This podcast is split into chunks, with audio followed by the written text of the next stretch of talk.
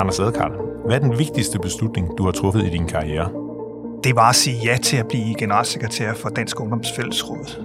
Jeg havde job som afdelingschef i et øh, finansieringsfirma, der finansierede almen boligbyggeri. Spændende job, men ikke det samme som at være generalsekretær for en organisation som Dansk Ungdoms Fællesråd. Du lytter til Ledelse med Vilje.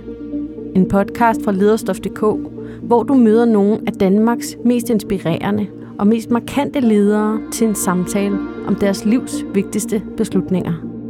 Din vært på programmet er Anders Vass, chefredaktør på lederstof.dk. Dagens gæst er Anders Ladekarl. Han starter sin karriere i Dansk Ungdoms Fællesråd som generalsekretær og kommer siden til Dansk Flygtningehjælp, hvor han er med til at etablere organisationen. I dag er han generalsekretær i Røde Kors, hvor han leder en kompleks organisation af frivillige, genbrugsbutikker og hjælpearbejde. Hør, hvad der har været de største beslutninger i den 63-årige generalsekretærs karriere i denne uges udgave af Ledelse med Vilje.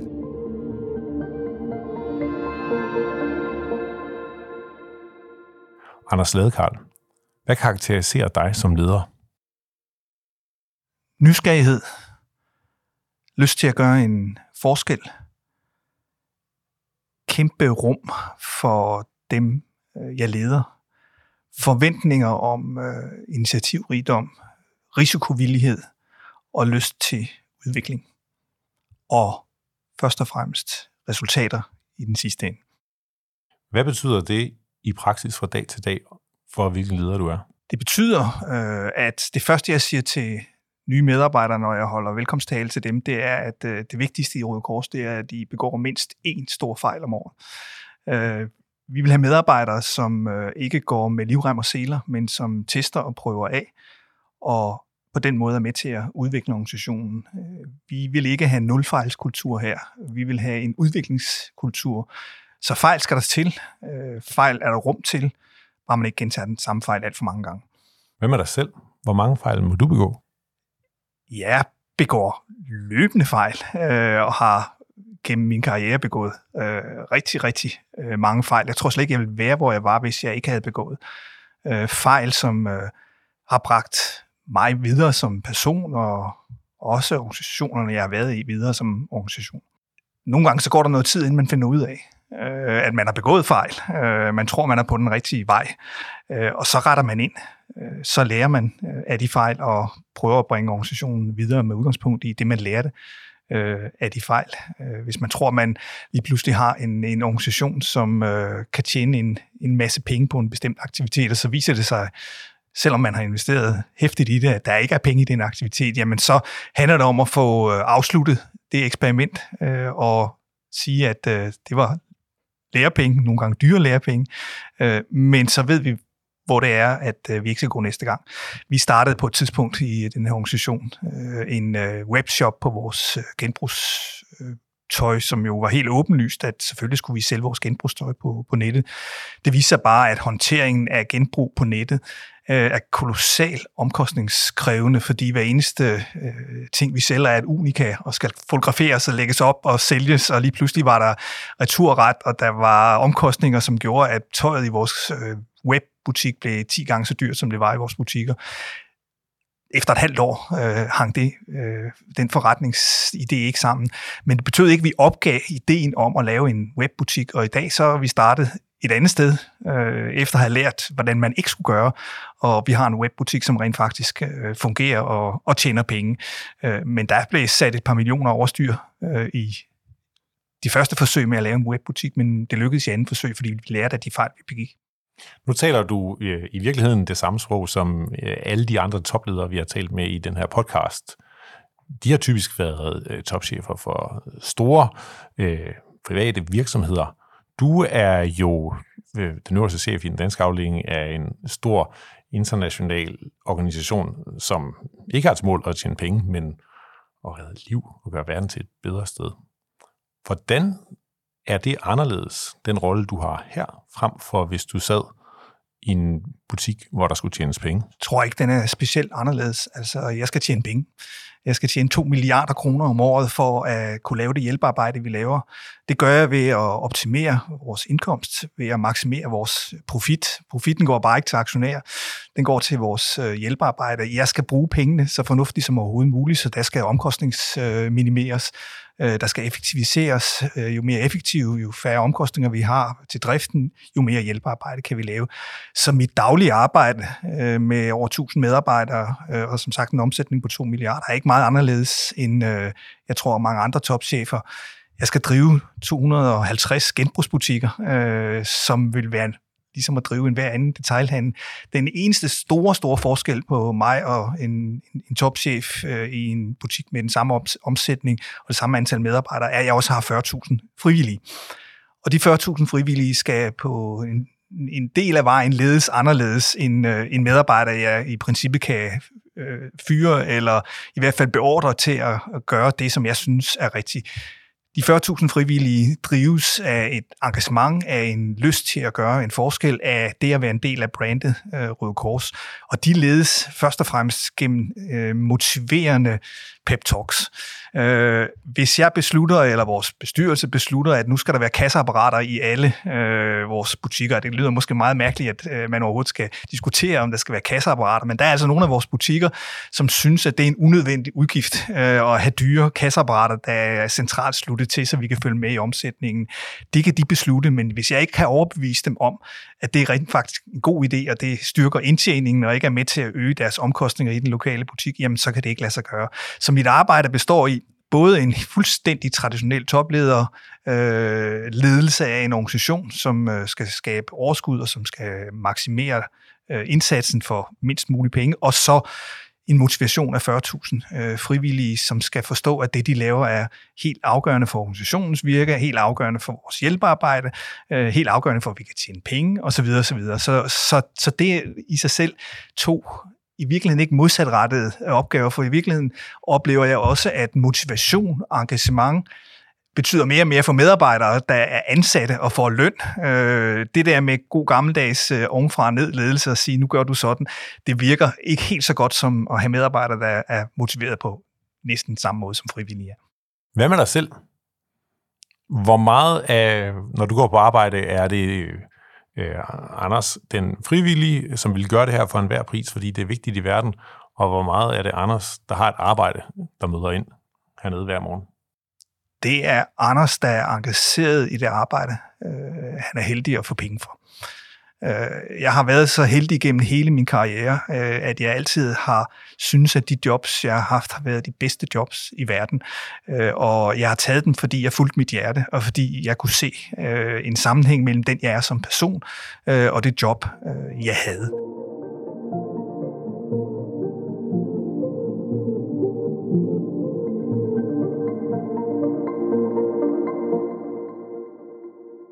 Lad os så gå tilbage. Det her er jo ledelse med vilje, hvor vi taler om de største beslutninger i din karriere.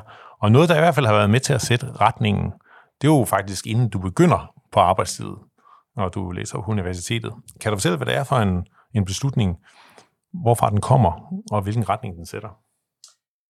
Da jeg var færdig med gymnasiet, så øh, gjorde jeg det, som jeg har gjort hele mit liv, nemlig fulgte mine øh, drømme og mine, øh, mine ønsker, og, og, og det jeg gerne ville, øh, lige der, hvor jeg var. Øh, og jeg begyndte at læse historie, fordi jeg på gymnasiet havde en fantastisk øh, øh historielærer, som, øh, som inspirerede mig meget. Øh, gik på Aarhus Universitet øh, 3-4 år og læste, øh, læste historie på et tidspunkt blev jeg meget engageret i, øh, i studenterpolitik og kom i Danske Studerendes Fællesråd og, og øh, lavede en masse politik, som øh, indebar, at jeg var meget øh, i Aarhus. Jeg slog, jeg var meget i København, øh, fordi det var der Danske Studerendes Fællesråd lå. Og, og, og lige pludselig så begyndte jeg at få en fornemmelse af, at, øh, at det der med at læse historie endte i en blindgyde. Øh, det endte i en, øh, i en karriere som gymnasielærer øh, og skulle lære gymnasieelever, som ikke interesserede sig voldsomt meget for historie og. Det var ikke det, jeg ville. Jeg ville videre i den retning, jeg var kommet i, i organisationsarbejdet og med, med det politiske og det, øh, det, det faglige og alt muligt andet. Og så, så, mødte, jeg en, så mødte jeg en pige, som, som læste et, et fag, øh, som, som jeg troede var, var samfundsfag. Øh, og det, det virkede super spændende, fordi alle, jeg har hørt om, som var noget ved musikken øh, i politik og i øh, organisationer, de var, de var kantpoliter. Øh, så jeg begyndte at læse, læse kant polit. Øh, Fordi du troede, at kant polit betød kant politik? Eller? Okay, ja, lidt. Øh, jeg, jeg, jeg, troede, jeg, jeg må sige, jeg troede, det var mere samfundsfag, end det var. Og så, så endte det jo så med, at, øh, at jeg i de første tre år af politstudiet læste øh, teoretisk statistik og, og matematik. Øh, og det var ikke noget, jeg beskæftigede mig med ret lang tid øh, under, under gymnasiet. Men på en eller anden måde, så blev det også igen, tror jeg, min evne til at være der, hvor jeg er så bliver det super spændende at aflevere matematikopgaver, fordi når man havde læst historie, så var der noget med, hvem har lyst til at lave et oplæg næste gang, og der var aldrig to streger under. På polit, der var der to streger under, når man havde lavet sin matematikopgave, og lige pludselig kunne man begynde at forstå, hvordan de store samfundsmodeller virkede, og kunne forholde sig kritisk til, at øh, den store smækmodel, som det hed på det tidspunkt, hvor man skulle definere hele verden, eller hele Danmark i hvert fald i øh, økonomiministeriets model, den var fuldstændig bestemt af, hvad det var, man puttede ind i den. Øh, så på den måde synes jeg, at det var et, et super spændende, super spændende studie og, og, gav mig en masse ting, men det var noget helt andet, end jeg regnede med, da jeg startede. Øh, men gav mig en basisviden om, om, om samfundet, som, som jeg har brugt indtil da, men min matematik og teoretisk statistik har jeg aldrig nogensinde vendt tilbage til, lad mig bare sige det på den måde. Vil det sige i virkeligheden, at det du gjorde i din fritid, da du var ung, er vigtigere for den, du er nu, og den, du er blevet, end det, du valgte som, som studie, og måske endda også di, dit første job? Det tror jeg er helt afgjort. Altså lige fra, lige fra øh, en øh, meget tidlig ungdom, så har det at være engageret i andre, det at være tillidsmand, det at, øh, og, at, at kaste sig ud i at prøve at forandre ting og udvikle ting, Øh, det har været super afgørende for, for den personlighed, øh, jeg er blevet, og det, der har drevet mig øh, resten af livet. Så, så jeg siger altid til, til unge mennesker, der har bøgerne fuldstændig, eller har øjnene fuldstændig nede i bøgerne, lad være med det, bliv klog på jeres fag, men, men det, I virkelig, virkelig lærer noget af, det er alle de andre ting, I laver omkring studiet, eller alle de andre ting, I laver omkring jeres fritid, om det er spejder, eller det er politisk øh, ungdomsorganisation, eller hvad det er, så er det afgørende for, at de bliver fu- fulde og hele mennesker. Øh, det bliver man ikke kun af at læse. Alligevel bliver du færdig, og så får du sådan et øh, godt gammeldags øh, job øh, med noget økonomi i en boligforening. Hvordan føltes det?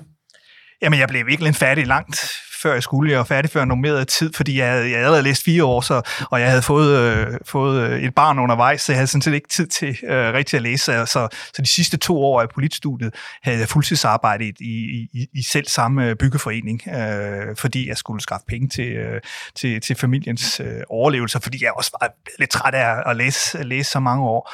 Øh, så det kom fuldstændig naturligt igen, altså et studenterjob, som førte til et øh, øh stort set afdelingschefsjob det øjeblik, jeg var øh, jeg var færdig med noget, som jeg sådan set også personligt havde engageret mig i hele boligsagen. Som øh, studenterpolitiker gik jeg rigtig meget op i og var ansvarlig for, for at skaffe boliger til, øh, til studerende i, i København. Så, så det hang igen sammen med også, øh, hvad jeg lavede øh, uden for, for studiet.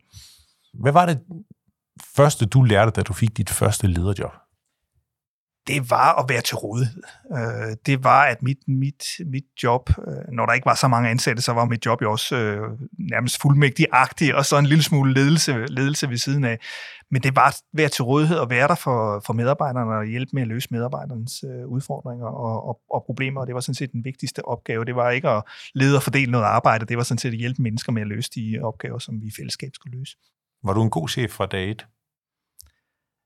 Det er et frækt spørgsmål at spørge øh, et, et, et, et andet menneske om, for det ved man jo ikke. Øh, jeg var sikkert ikke øh, så god som, øh, som, altså jeg var jo ikke så gammel, det var mit første, mit første lederjob, øh, og det var nogle, nogle ældre medarbejdere, jeg havde, så de sikkert synes, jeg var en forfærdelig ung, ung knø, som, øh, som ikke vidste ret meget om, om, om nogle ting. Men jeg prøvede, jeg prøvede, og det tror jeg er, er, er noget, som karakteriserer mig lidt, at være, være lidt ydmyg over for ledelsesopgaven, og ikke tro, at man er, man er verdensmester øh, til ret mange ting, når man starter på et, øh, på et nyt job, men lytte efter dem, som havde været der i, øh, i mange år, og sådan set ikke være mere leder, end, end hatten øh, og bukserne kunne, øh, kunne, kunne bære, øh, fordi øh, det er man jo ikke, når man lige starter som leder, øh, så er man virkelig afhængig af, at, at de, der har været der i mange år og kender opgaven, at de bakker op omkring en som leder, og det gjorde de, og det tager jeg jo som udtryk for, at jeg gjorde det okay. Og som du siger, så går der ikke så længe, før du kommer ind på det, der bliver din, din, din egentlige karrierevej øh, med de frivillige organisationer i, i Dansk øh, Ungdoms Fællesråd. Jeg læser, at du tidligere har sagt, at, at jobbet i virkeligheden smelter sammen med resten af det, du er og det, du laver. Ja, og det har det gjort lige siden. Altså, jeg har aldrig rigtig været god til at skille øh, privatliv, fritidsliv, øh, job fra hinanden. For mig har de jobs, jeg har været, været så vigtige for mig, øh, at, øh, at jeg har investeret min fulde person, øh, kom øh, arbejdstid, kom fritid i, øh, i det og, og, og engagere mig. Ikke, ikke fordi jeg skulle, øh, men fordi jeg gerne ville, og fordi det øh, faldt mig fuldstændig naturligt, og altid har faldt mig naturligt at, at, at, gøre, at gøre det. Øh, og det gjorde jeg også i Dansk Ungdoms Fællesråd, som jo øh, var en institution øh, af øh, meget, meget engagerede unge mennesker, øh, som, øh, som, som gerne ville noget med deres foreninger, som gerne ville noget med deres, øh, deres organisation, og man skulle da være et skar, hvis man ikke synes, det var en fantastisk mulighed at få øh, at være en del af den smeltedige af forskellige organisationer og forskellige politiske holdninger, øh, totalt tæt på, øh, på magten. Altså øh, alle dem, der sad i hovedbestyrelsen øh, for, for Dansk Ungdomsfællesråd, da jeg blev ansat, sidder jo nu som enten minister eller topchefer rundt omkring, øh, og, har, og har haft den organisation som måske deres allervigtigste læringssted, øh, i hvert fald når det kommer til, øh, til, til politik i deres liv. Betyder det noget for, hvem der er dit netværk i dag? Og den magt, du derigennem har? Ja, det gør det absolut, og har gjort det igennem alle årene. Altså, jeg tror, hvis du møder folk, som har haft en baggrund i Dansk Ungdomsfællesråd, så, så vil de sige, at, øh, at det vigtigste, de har fået ud af det, det er, at de har lært og, og leget politik, øh, uden at det var med de store konsekvenser, og samtidig fået nogle netværk øh, af mennesker i forskellige politiske konstellationer, langt ud over, hvad de ellers ville have fået, fordi det er her, at, at, at man var fra spejder til øh, Venstre Socialisternes Ungdom, som de hed i, i dengang, øh, over ledende socialdemokrater, og, og alle mulige, som i dag spiller en, en stor rolle i, øh, i både øh, øh, den danske økonomi, i øh, politik og i organisationslivet i det almindelige. Kan du give et konkret eksempel på, at du har, øh, har brugt det netværk til noget? Lars Lykke er jo en, en person, som har spillet en stor rolle i dansk politik i rigtig mange øh, år. Øh, I min dufttid havde vi en øh, rigtig, rigtig sjov tur til Nordkorea sammen, øh, og jeg vil sige, der har vi en referenceramme hver eneste gang, vi er sammen øh, og snakker om, øh, om øh, vores oplevelser i Nordkorea, eller når jeg snakker med Brian Mikkelsen om øh, de spændende oplevelser, vi havde med, med svindel med tipsmidler øh, i sin tid, øh, hvor, hvor han jo sad på øh, konservativ ungdomsformandsposten øh, og havde udfordringerne øh, med det. Der er en masse relationer, som, øh, som, øh, som, som jeg bruger øh, i det daglige, også fordi man kender hinanden personligt.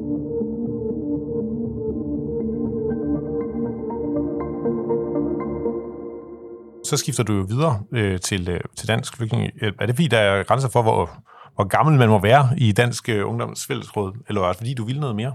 Ja, der, er der var simpelthen en, øh, en, en tidsbegrænset øh, ansættelse på fem år, øh, og jeg sluttede efter fire, øh, efter fire og et halvt år, og det er jo fuldstændig naturligt i en ungdomsorganisation, der kan man ikke have folk hængende til de bliver øh, middelalderen, om så må sige. Så, så, så fem år var det maksimale ansættelse, man kan have i, øh, i, den, øh, i den organisation.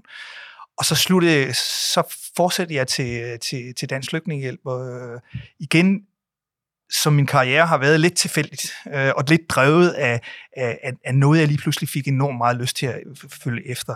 Helt helt tilfældigt, så kom jeg som generalsekretær i Dansk Ungdomsfællesråd til at sidde i bestyrelsen for Danida, Øh, I gamle dage havde Danita en bestyrelse, som bestod af, af, af syv personer, som skulle godkende alt dansk udviklingsbistand. Sådan en relativt uh, centralt placeret bestyrelse, som, som generalsekretær i Dansk Ungdomsfællesråd sad i.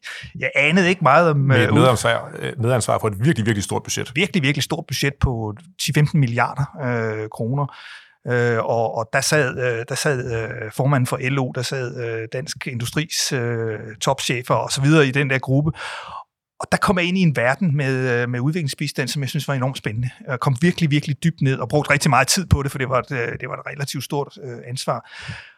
Og der fik jeg lyst til at, at, udfordre den verden øh, lidt mere. Så, så da jeg efter øh, fire år skulle begynde at kigge mig om efter et andet job, som man jo skal, når man er på en tidsbegrænset kon- øh, kontrakt. Noget af det, som jeg altid har følt lidt, lidt øh, uhensigtsmæssigt ved tidsbegrænsede kontrakter, det er jo, at man bruger det sidste år af sin tidsbegrænsede kontrakt på at lede efter noget andet, og på den måde ikke, måske ikke helt så produktiv, som ellers skulle have været. Eller det gjorde jeg i hvert fald.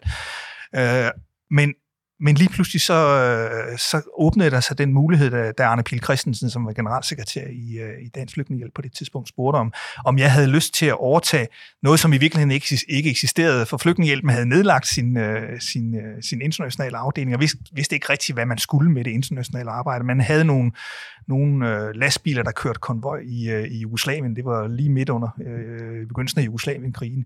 Og så spurgte han, om jeg havde lyst til at, at overtage de syv øh, medarbejdere, der på det tidspunkt var i flygtningehjælpen, og se, hvad vi kunne gøre, øh, og hvad flygtningehjælpen øh, med mig i spidsen kunne på det internationale område. Det synes jeg var en kolossalt spændende øh, udfordring, som jeg sagde ja tak til. Der skifter du jo fra øh, Dansk Ungdomsvældesråd og, og, og alt det øvrige aktivisme, du har gjort, som øh, nu skal jeg ikke lyde forkert, men, men handlede om øh, dig selv, om danske unge, en af dem du var, til et job, hvor formålet var et andet, at hjælpe nogen ude i verden.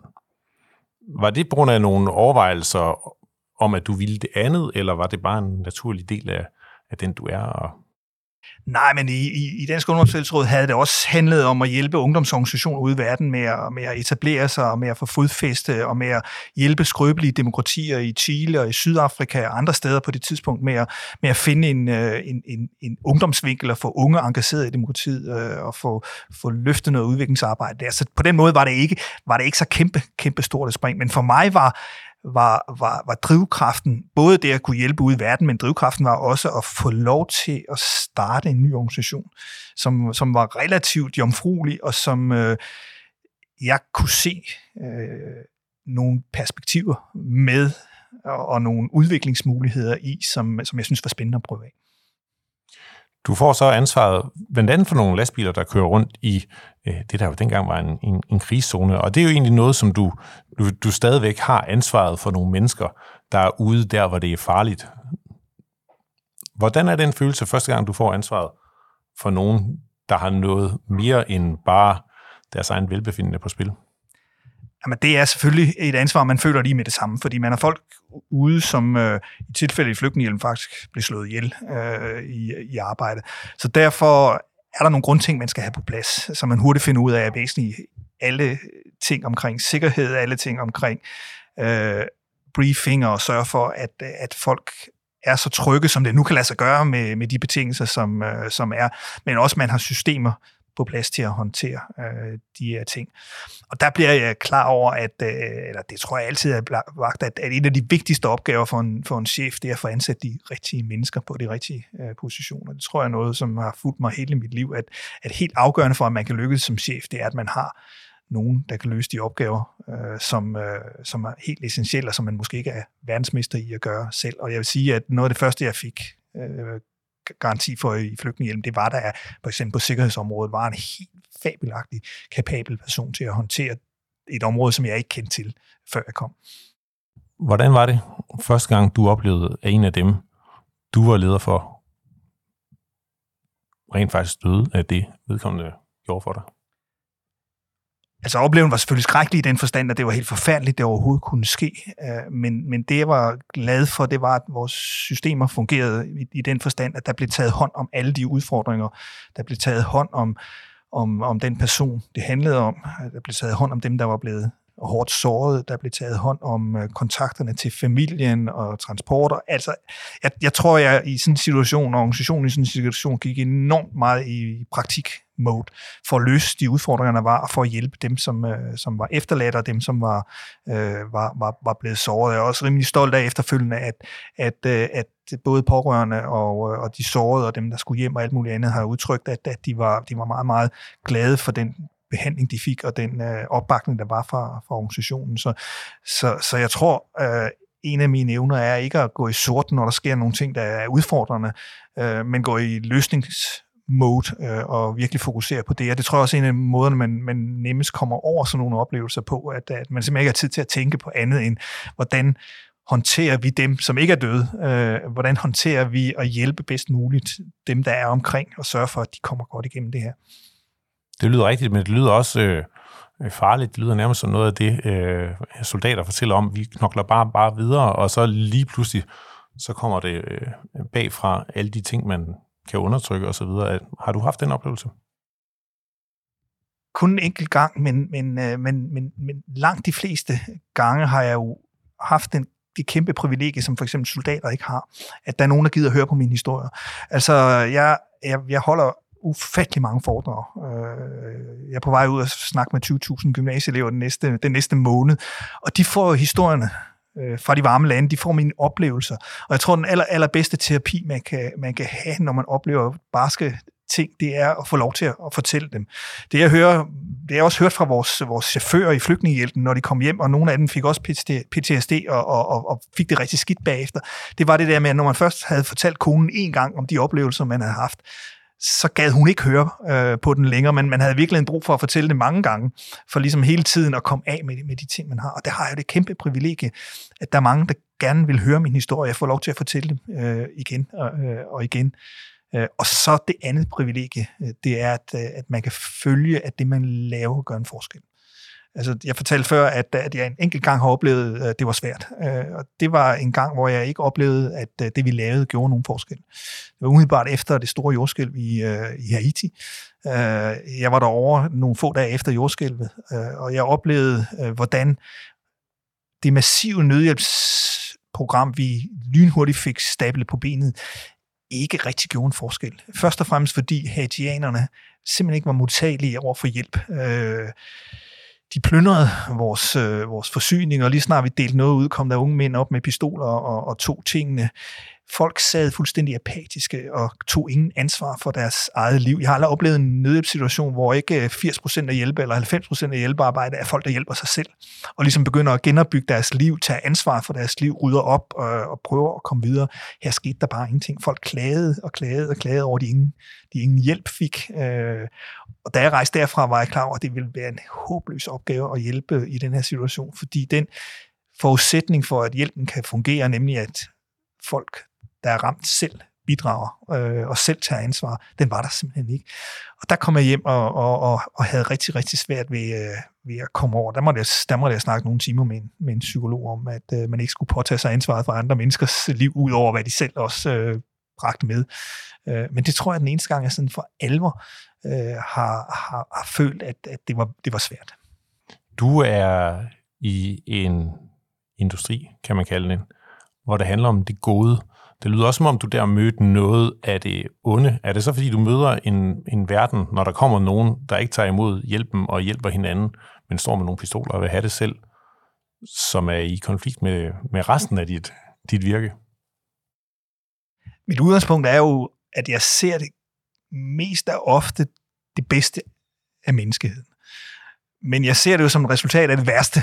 Så på en eller anden måde, så, så er det meget modsætningsfyldt. Men, øh, men når jeg kommer ud, når vi kommer ud med, med hjælpen og, og, og skal prøve at, at hanke op i mennesker, som, som lider, så bliver vi jo først og fremmest modtaget med taknemmelighed. Øh, og vi bliver modtaget på en sådan måde, at vi kan se, at det gør en forskel, øh, det vi gør. Og vi kan se, hvordan folk griber øh, de ting, vi kommer med, selv de mindste ting i en taknemmelighed og, og et ønske om at, at få et bedre liv, som, øh, som, som illustrerer øh, glæde og, og, og, og optimisme, og ja, det lyder mærkelige ord at bruge i situationer, som kan være fuldstændig håbløse, men man ser alligevel nogle fantastiske sider øh, af mennesket, nogle fantastiske vilje, viljer til at overleve og til at komme videre, og, og hvor lidt håndsrækninger, der nogle gange skal til for, øh, at folk faktisk øh, kommer videre.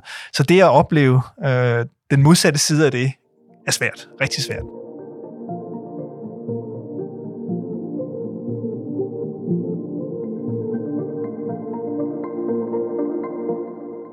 Her Ledelse med Vilje, der beder vi altid vores hovedpersoner om at tage noget med, der fortæller noget om dem som menneske øh, og som leder. Kan du fortælle, hvad det er, du har taget med? Jamen, det sidder på mig. Altså, det sidder på mig, og, og, det, og det har det gjort fra den første dag, jeg, jeg trådte ind øh, i Røde Kors, nemlig, nemlig korset. Øh, ikke som, som kors, men som, øh, som symbol og som, øh, som tegn på, øh, på, på noget fundamentalt, både i mit liv, men også i mit liv som, øh, som leder, nemlig øh, medmenneskeligheden.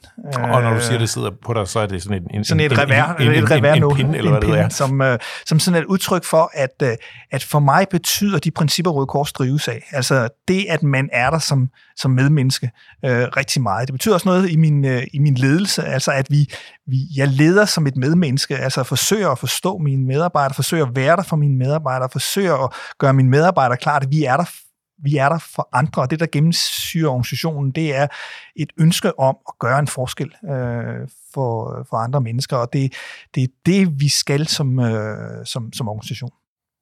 Og, og dig personligt, så har du jo tidligere sagt, at, at, at så flyder det sammen.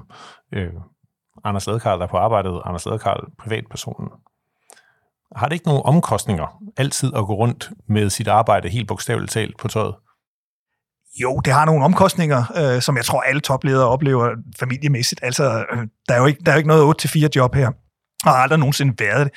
Øh, når katastrofen kalder, så er det, øh, så er det 24-24 job øh, i, i ugevis. Øh, så er det ud i verden øh, med, med, med, med timers varsel. Men det er jo også et job, hvor man hele tiden er, er, er på, øh, alert. Jeg har jeg, de, de øh, jordskælvsalarmer, der lyder på min, øh, på min mobil, det lyder også om natten. Altså, og, og, og på den måde er jeg på hele tiden. Jeg kunne ikke leve et liv øh, uden at være det. Og det har så som konsekvens jo også haft, at, at mine omgivelser må leve med øh, eller har måtte acceptere, at, at sådan, er, sådan er jeg, øh, at, øh, at man ikke har været til alle de øh, skolehjemsamtaler, som, øh, som andre har været til, at, øh, at min ekskone på et tidspunkt øh, synes, at, at det var måske lige rigeligt. Øh, og, og på den måde på den måde har det jo nogle omkostninger der. Så har det nogle andre omkostninger i privatlivet, øh, eller slutter i, øh, i, det, i det at være en offentlig person. Øh, når man i den grad identificerer sig med det, så, øh, så er der mange mennesker, der ikke kan, kan identificere en, øh, en hjælpeorganisation med en, øh, med en løn, som, øh, som den jeg får. Nogle mennesker, øh, der ikke kan identificere sig med en organisation, der er neutral og upartisk, med en person, som også er til at have, have, have holdninger øh, til ting. En, øh, en, øh, en, en organisation, som, eller en, en omgivelse, som har svært ved at, at, at acceptere, at en person, som, som jeg kan leve i, øh, i Skovshoved, i Gentofte, og sådan nogle ting, der gør, at, at, at nogen identificerer øh, min branche med en bestemt måde øh, at leve på. Øh, og, og det må man jo også leve med, når man i den grad øh, identificerer sig med det, og derfor øh, er, er vi også fuldstændig gennemsigtige. Øh, jeg tror ikke, der er ret mange chefer, der som jeg har sin kontrakt liggende frit tilgængelig på, øh, på hjemmesiden. Min kontrakt er det mest søgte på øh, Røde Korsets øh, hjemmeside, så det er der rigtig mange tusind mennesker, der, der, der har kigget på, øh, og rigtig mange, som stiller spørgsmålstegn ved den, øh, den løn, som jeg får at lave, for at lave det her, øh, det her arbejde, fordi mange mener, at arbejde burde bære løn øh, i sig selv. Og det er lige før jeg også selv synes det, men, men jeg skal også leve. og du tjener cirka halvanden million, kan man se, hvis man så går ind på den der meget søgte øh, side, og det er selvfølgelig meget, hvis alternativet er at stå og være frivillig i en butik, men jo meget lidt i forhold til mange af de øvrige topchefer, vi har øh, i, i studiet, som, som har øh, det samme antal ansatte. Øhm, så hvad er din egen tanke om det? Det har jeg ikke gjort mig voldsomt meget øh, tanker om. Altså min, min kontrakt er jo en forhandling mellem min, øh, mellem min bestyrelse øh, og mig, og vi har aldrig været voldsomt uenige om, øh, om hvor vi skulle hen øh, lønmæssigt eller ansættelsesvilkårsmæssigt. Og, øh, og jeg vil selvfølgelig godt aflønnes efter det ansvar, øh, jeg har. Det synes jeg, det synes jeg er, er, er fair og rimelig. Øh, også at det er i den lave ende i forhold til den organisation øh, og den type arbejde, øh, vi har. Jeg vil gerne spole tilbage til det, du siger om, at, at dit arbejdsliv og dit privat, liv øh, smelter sammen, og de omkostninger, øh, det har. Er det også et, øh, en selvisk beslutning at, at leve det liv, du lever? Ja, det er det. Det er jo et valg, som jeg har taget. Det er jo ikke noget valg, som nogen har, har påtvunget mig. Øh, jeg kunne jo godt have et, vil ikke sige 9-16 job, men jeg kunne godt have et, et 8-18 job, og så slukke telefonen, øh, lad være med at svare mails, øh, lad være med at, at følge med i, hvad der sker i verden indtil klokken øh, 8 dagen efter. Jeg er bare sikker på, at jeg som person øh, ville trives rigtig, rigtig skidt øh, med det. Og det er selvfølgelig et valg, øh, jeg har taget, og jeg har også taget det valg på vegne af min familie, øh, fordi de kunne jo godt have insisteret på at sige, at du skal være her, når du er her.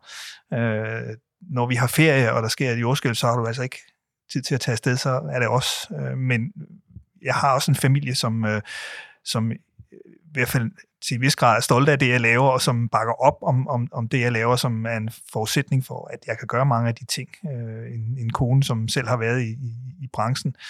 Øh, nogle børn, som, øh, som øh, heldigvis har haft en mor, som øh, har taget en stor del af slæbet. Så på den måde hænger, hænger mit liv jo også alligevel sammen med, med min familie, fordi min familie har accepteret, at, øh, at, jeg, at jeg gør det, jeg gør. Men selvfølgelig er det selvisk, fordi det er på bekostning af, af andre mennesker, at, at man gør det, man gør. Har du nogensinde nogle fortrydelser i forhold til det? Ja, selvfølgelig øh, har man fortrydet. Jeg ved ikke, om jeg vil gøre det om.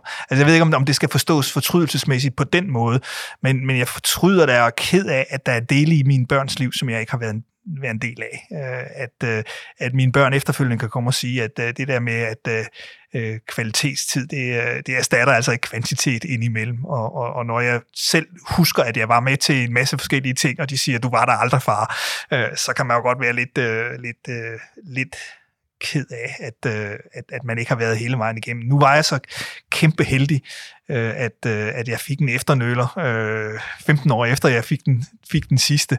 Og jeg vil sige, at jeg har, jeg har til en dels katset op med ham, øh, fordi man kan jo godt prioritere familien lidt højere, end jeg gjorde til, øh, da jeg var yngre.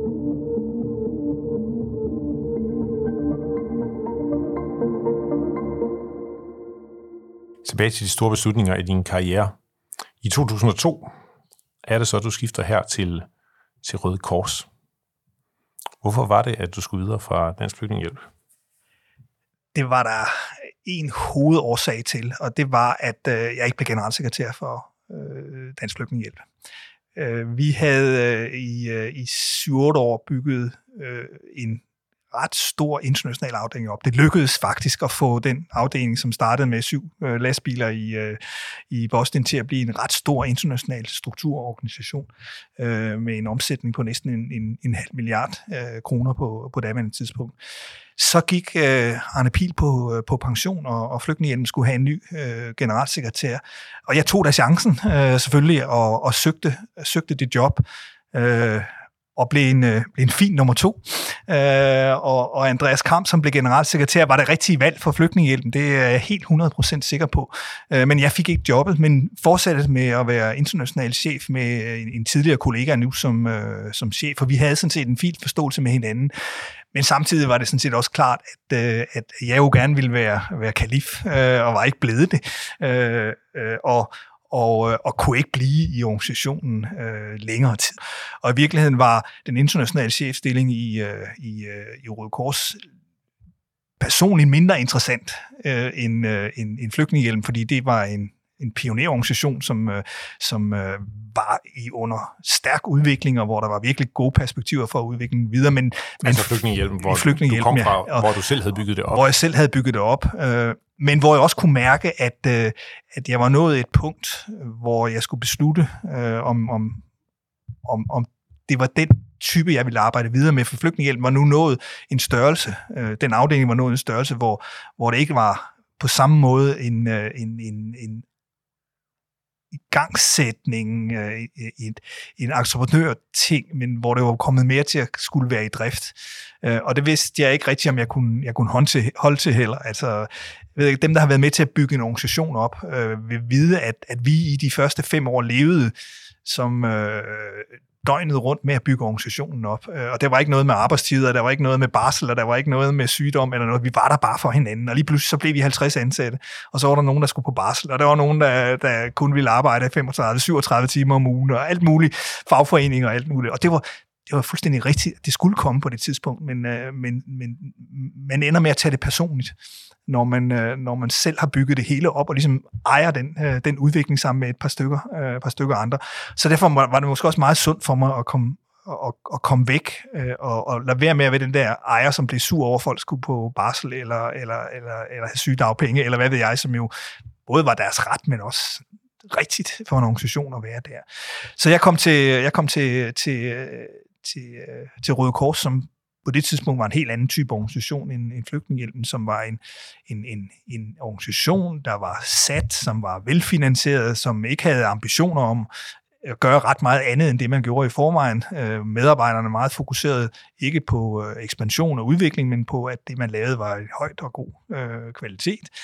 Øh, og så kom der sådan en øh, badebasse som mig ind, som, øh, som, øh, som synes, at øh, en organisation, som ikke udvikler sig, er en død organisation, øh, og øh, en organisation, som alene fokuserer på, at øh, alt skal være en højst tænkelig kvalitet, og ikke at man når flest mulige mennesker med hjælpen, at det er måske en organisation, der trænger til at blive øh, sparket lidt et, øh, et vist sted. Øh, og det gjorde jeg så. Og der er jo en, en tydelig parallel til øh, en masse virksomheder, hvor der kommer dygtige folk ind, øh, dygtige ledere, der vil, øh, vil rykke det her.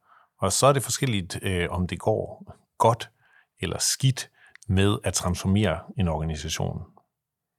Hvad er i dine øjne det vigtigste for, om man kan flytte noget som leder eller ej? Det var en kæmpe øh, interessant oplevelse for mig at møde en organisation, som, som gjorde modstand.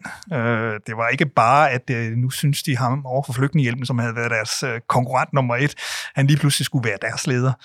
Øh, der var nogen, som, øh, som kæmpede imod, øh, og som ikke ønskede de forandringer. Øh, vigtigst for mig var, at jeg havde øh, min topchefs opbakning til at lave forandringer, og jeg var blevet ansat til at, at, at lave de forandringer. Og det første, øh, jeg gjorde, og det har jeg gjort flere gange, det var, øh, det var at bruge øh, instrumentet organisationsændringer til ligesom at få sat et anderledes fokus øh, på, på operationen. Jeg har aldrig haft nogen speciel holdning til, hvordan en organisation skal se ud, men jeg har altid brugt organigrammet til at signalere, hvad det var, jeg gerne ville. Øh, så i løbet af de første måneder brugte jeg tiden på lige at sætte mig ind i, hvad det var, og så lavede jeg simpelthen en fundamental organisationsændring, der gjorde, at de funktioner, som jeg synes var vigtige, dem hvor vi brugte tid ude hos øh, dem, vi var der for at hjælpe, altså ude i operationen tættest muligt på dem, vi hjalp, hvor det var dem, der havde fokus, og ikke dem, der sad og lavede kvalitetskontrol og øh, sørgede for, at dem, der var ude i felten, at de gjorde det bedst og rigtigt. Så på den måde sendte jeg en klar øh, signal til organisationen om, hvor det var, vi skulle hen. Styrkede øh, vores øh, katastrofeorganisation. Øh, på det tidspunkt var international arbejde fokuseret på meget langsigtet udviklingsarbejde, men jeg synes, at Røde Korsets hovedfokus burde være på katastrofeindsatsen. Det er der, vi efter min mening har vores rigtig, rigtig store øh, force. Øh, og der styrkede jeg den del af international afdeling, som var katastrofe orienteret og klar til at lave katastrofer. Og det gjorde så, at folk kunne se, hvor, hvor pilen pegede hen. Øh, måtte afskede nogle medarbejdere, som ikke, øh, som ikke havde den retning i deres arbejde, og som ikke øh, lavede værdi i forhold til det, som jeg øh, og som resten af organisationen synes skabte værdi i vores internationale arbejde. Når du er i tvivl om noget konkret, eller om din position, eller så videre, hvem er det så, du tager den med? Er det din øh, direktion her? I Røde Kors? Er det derhjemme? Er det dit netværk? Hvem er det, du, når du har de store beslutninger, øh, spørger til råds? Eller har du dem bare inde i dig selv? jeg har en, en, en kone, som heldigvis er en rimelig kritisk indstillet over for en hel del af det, jeg laver, og også en hel del anden måde at gøre det på, og som er, som er meget, meget dygtig, og som, øh, som, som kender mig dybere end nogen andre gør. Øh, hende bruger jeg rigtig meget til at, til at spare nogle af de vanskelige beslutninger med. Så har jeg et meget et lille, men tæt netværk øh, af andre erhvervsledere, som, øh, som jeg bruger til, til nogle af de sådan, svære erhvervsrelaterede øh, øh, generelle problemstillinger, som, som er i en organisation så har jeg faktisk en stærk bestyrelse. Øh, jeg har en god økonomiudvalgsformand, jeg har en god præsident, som er, som er både klog og dygtigere end mig på en række områder, og som jeg sparer rimelig meget mere, som betyder rigtig meget for, at vi kommer den rigtige vej i, i Røde Kors. Og så som sagt, så, så er det vigtigt for mig at have delegeret rigtig, rigtig meget kompetence til mine, øh, til mine ledere, så, så de i virkeligheden er dem, der træffer de vanskelige operationelle beslutninger, for det er de meget bedre til end jeg er. Altså, Tina, hun ved meget bedre øh, om, hvordan vi skal drive vores genbrugsbutikker, øh, end jeg gør. Jeg kan bruge som sparringspartner øh, og til at have hendes ryg, øh, men, men, men jeg er helt, helt bevidst om, hvem der ved hvad i den her organisation, og det er ikke mig, der ved alt. Langt fra. Hvis de ringede ned fra øh, Genève, øh, International Røde Kors, og sagde, at vi har brug for en, en ny kalif hernede, vil du så kunne øh, overlade det her til andre? Jeg er ikke færdig med Røde Kors i Danmark. Vi er simpelthen på så spændende en rejse. Øh, og det er jo det, der har været fantastisk igennem 15 år, at, øh, at være på sådan en udviklingstur, som gør, at der er ikke et eneste år i Røde Kors, som har været det samme som et andet.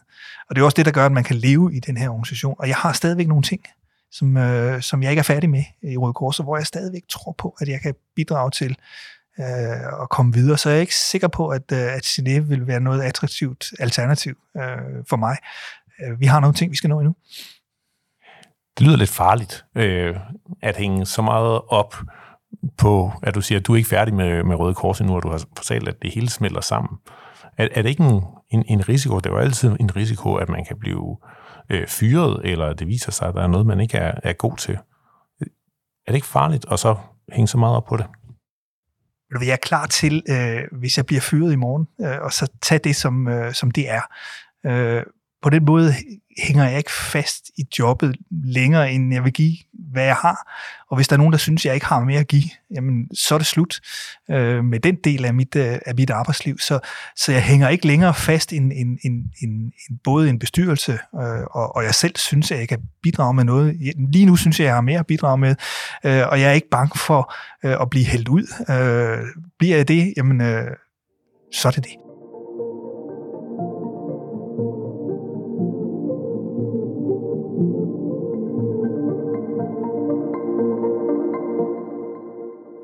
Vi slutter altid ledelse med vilje af med at spørge vores hovedpersoner, hvad det er for nogle beslutninger, de står overfor. Så det spørger jeg dig om, Anders Ledekarl. Jeg står over for, for to øh, væsentlige beslutninger. Øh, den ene er sådan en mere organisatorisk karakter. Øh, vi er i gang med at prøve at ændre Røde Kors fra at være en traditionel organisation til at blive en egentlig folkebevægelse. Ideen om, at Røde Kors skal være en folkebevægelse, øh, fik vi øh, i 2015, da der kom flygtninge til Danmark første gang, og den voksede under øh, covid og, og under Ukrainekrisen. Begge, alle de kriser har vist, at Røde Kors' organisation tiltrækker ufattelig meget medmenneskelighed som ikke nødvendigvis er organiseret med menneskelighed. Øh, folk melder sig i hobetal, når der er en krise. Alene under covid var der 20.000, der ringede til os og blev organiseret som spontan frivillige i, i Røde Kors. Vi har samtidig oplevet, at øh, nogle af de store samfundsudfordringer, vi står med i Danmark, som for eksempel ensomhed, bare bliver ved med at vokse og vokse, og det har været et af vores hovedfokusområder. Så det, vi laver, har ikke nok effekt. Så hvordan kan vi kombinere det, at rigtig, rigtig mange mennesker gerne vil engagere sig, ikke på traditionel vis, men gerne vil gøre en forskel med nogle af de store samfundsudfordringer, vi står overfor. Det optager os rigtig meget, øh, og det arbejder vi meget på at gøre Røde Kors til det sted, man samles om medmenneskelighed, uanset om man har et medlemsbevis eller ej. Når der er en halv million mennesker, der støtter Røde Kors økonomisk eller som frivillige om året, så er det jo allerede næsten en folkebevægelse.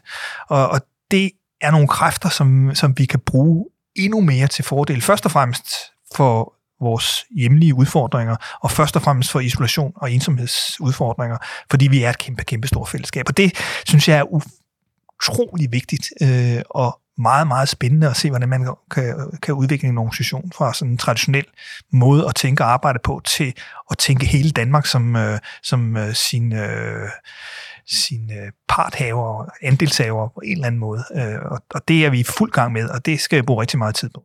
Du siger, det er den ene af de to ting, du står overfor. Hvad er den anden? Den anden er, at, øh, at jeg nærmer mig 64, og selvfølgelig skal vurdere, hvor, hvor længe skal jeg være her, hvis jeg selv får lov til at bestemme, hvor, længe, hvor længe jeg skal være i den her, den her organisation. Og, og der kommer alle et tidspunkt, hvor man som, som leder, specielt når man har været 15 år i en organisation, kan, skal, skal spørge sig selv, er du den rigtige til at drive det her projekt øh, videre? Har du stadigvæk energien? Kan du genopfinde dig selv, og hver eneste morgen synes, at du kommer med noget nyt, øh, at du bidrager til noget med organisationen, og det synes jeg, man skal spørge sig selv øh, hele tiden som, øh, som leder, og ikke bare vente på, at der er nogle andre, der giver en svar. Jeg vil gerne selv være den, der, der en dag siger, tak, øh, nu har jeg bidraget, hvad jeg kan. Øh, nu giver stafetten videre. Kræver det noget forberedelse? Det kræver i den grad noget forberedelse, specielt når man, som, som jeg, øh, har levet hele mit liv i de jobs, øh, jeg har haft. Så, øh, så det tror jeg, når jeg siger tror, så er det, fordi jeg ikke nået så langt i de overvejelser endnu, tror jeg kommer til at kræve øh, rimelig meget af mig. Tak for det, og tak fordi du var med i Ledelse med Vilje. Det var en fornøjelse.